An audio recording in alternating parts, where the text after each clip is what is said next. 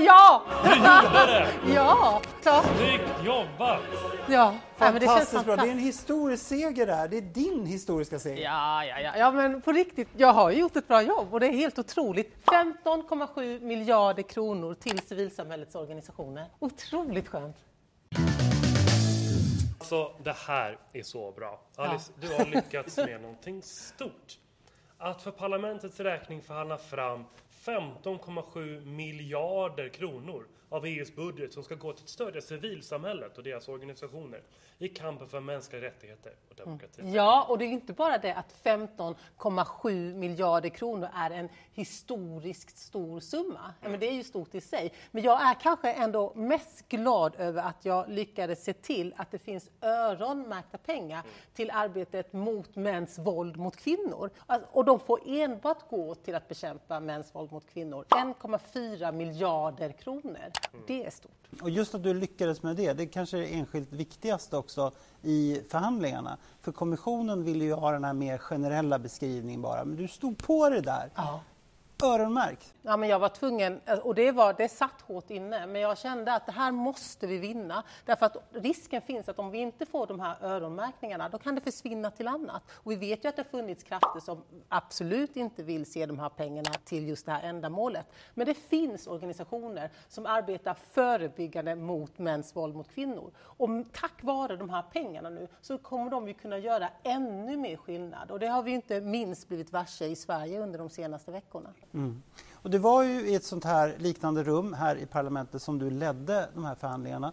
Det satt lite tolkar här såklart, men i övrigt var det väl inte så många. Nej, och det är bara tre personer som då får, vad ska man säga, bråka eh, diplomatiskt. Det är alltså eh, jag som då företrädde hela parlamentet, alla medborgare. Alltså hur många är det? 500 miljoner människor företrädde jag. Eh, det var kommissionen, kommissionär Rangdes, han satt i det där hörnet. Och så var det då Tyskland, en tysk som företrädde alla de 27 medlemsländerna. Eh, och vi tre då höll på eh, under eh, lång tid eh, och det, det var tufft. Det var helt klart det tuffaste jag någonsin har gjort. Och då är det ju du som är representant för alla EUs väljare. Ja, ja, jag representerar ju inte bara eh, EUs miljöpartister utan alla, Parlamentet. hela parlamentet. Mm. Och det är en väldigt tuff uppgift att eh, förhandla lagstiftning. För å ena sidan man måste vara väldigt påläst och sakkunnig i alla små formuleringar. Dessutom måste man vara väldigt hård och tuff i förhandlingarna och stå upp för vad man tror, med, tror på. Samtidigt måste man vara diplomatisk och försöka lirka fram de andra till att acceptera det man står för. Och det är en svår balansgång, men det gick ju vägen. Ja, ja, men det gick vägen till slut. Och det är dessutom så att det finns ju ingen sluttid. Det är ju inte så här förhandlingarna slutar klockan sju, utan Nej. man måste i mål. Eh, och jag vet vid flera tillfällen så, så var vi i sådana situationer och, och känslan var den att ja, men nu, nu tror de att jag kommer ge mig. Ja, men nu pressar de båda två mig in i ett hörn. Ska jag ge mig på det här och kanske vinna där eller ska jag fortsätta och stå pall nu och sådär. Och det var ju inte någon glad och härlig stämning. Utan de suckade ju och sa så här, du är omöjlig och sådant. Nej men på riktigt, det var så mycket härskartekniker som var rätt eh, tröttsamma. Eh, men eh, jag tänkte så här, ja, men de tror bara att jag är liksom lite eh, härlig och glad. Men de ska för fasen få se. Och det fick de. Måste jag fråga, du gillar ju att äta mat. Ja. Hur klarar du av det? Nej, men jag under bord, så här, under bordet hade jag hur mycket nötter och bars och drickor som helst. Och när de sa, när gubbarna bad om teknisk paus, för de behövde tydligen gå och tömma blåsan titt som tätt, då åt jag. Jag tänkte det är bättre att jag har liksom hög energi så att jag står pall. Men hörni, alla de här pengarna vi pratar om, EUs långtidsbudget, det är ju egentligen skattepengar ifrån EUs alla medborgare som hamnar i en stor hög. Och därifrån blir det ju så viktigt då att länderna och organisationer söker pengar. Ja men precis, den här gemensamma pengapåsen som EU har, den ska ju gå till alla våra gemensamma intressen. Och tydligen så finns det ju ett, ett stort gemensamt intresse av att stärka civilsamhället i hela EU. Vi behöver bli bättre på att ge människor förutsättningar att organisera sig. Ja, det är ju tyvärr så att för många av EUs olika program och fonder så är det onödigt krångligt att söka pengar, vilket gör det svårt för små organisationer.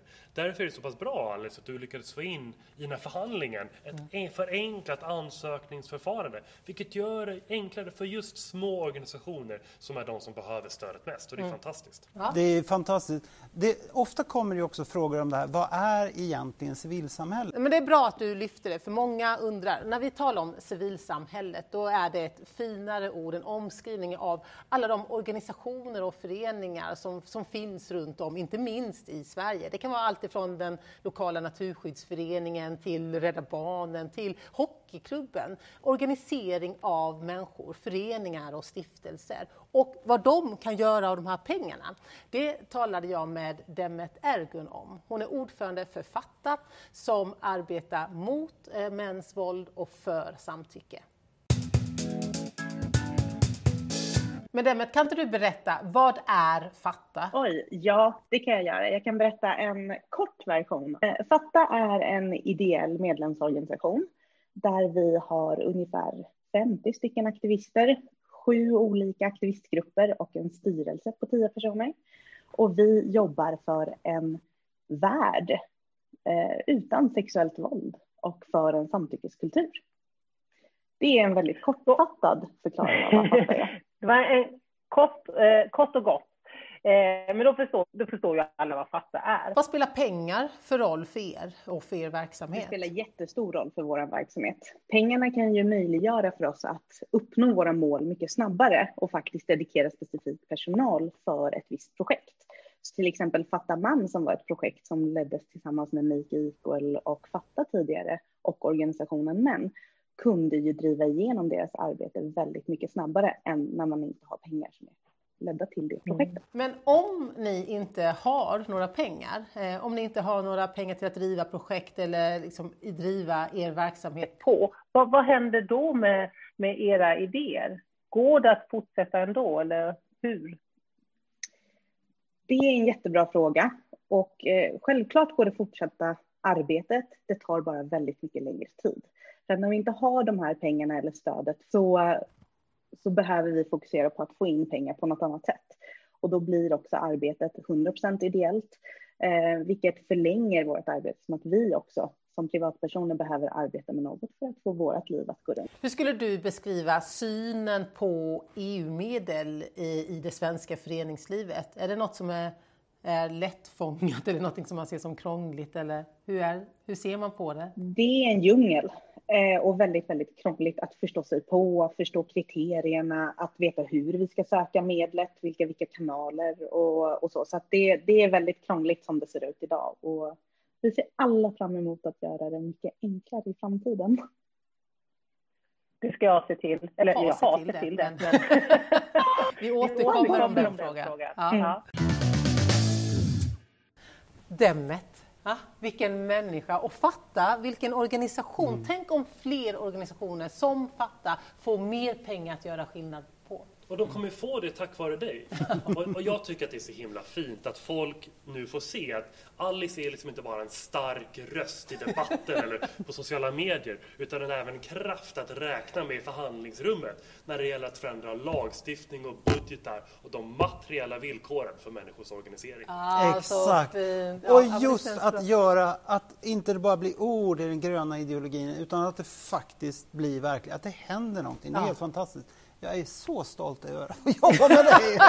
Nej, men, tack. men det viktiga nu, det är ju att de här pengarna kommer ut. Ja. Eller hur? Nu, ni som ser det här, om ni är aktiva i någon organisation eller förening som arbetar med mänskliga rättigheter, med deltagande, demokratiska frågor eller mot mäns våld mot kvinnor. Se till att söka från de här pengarna. Se till att ni blir starkare och får ännu bättre förutsättningar. Den 5 juni öppnar ansökningsförfarandet. Mm. Är det slut för idag? Jajamän, ja. vi ses om en vecka. Hej, hej! Glöm inte att prenumerera. hej, hej!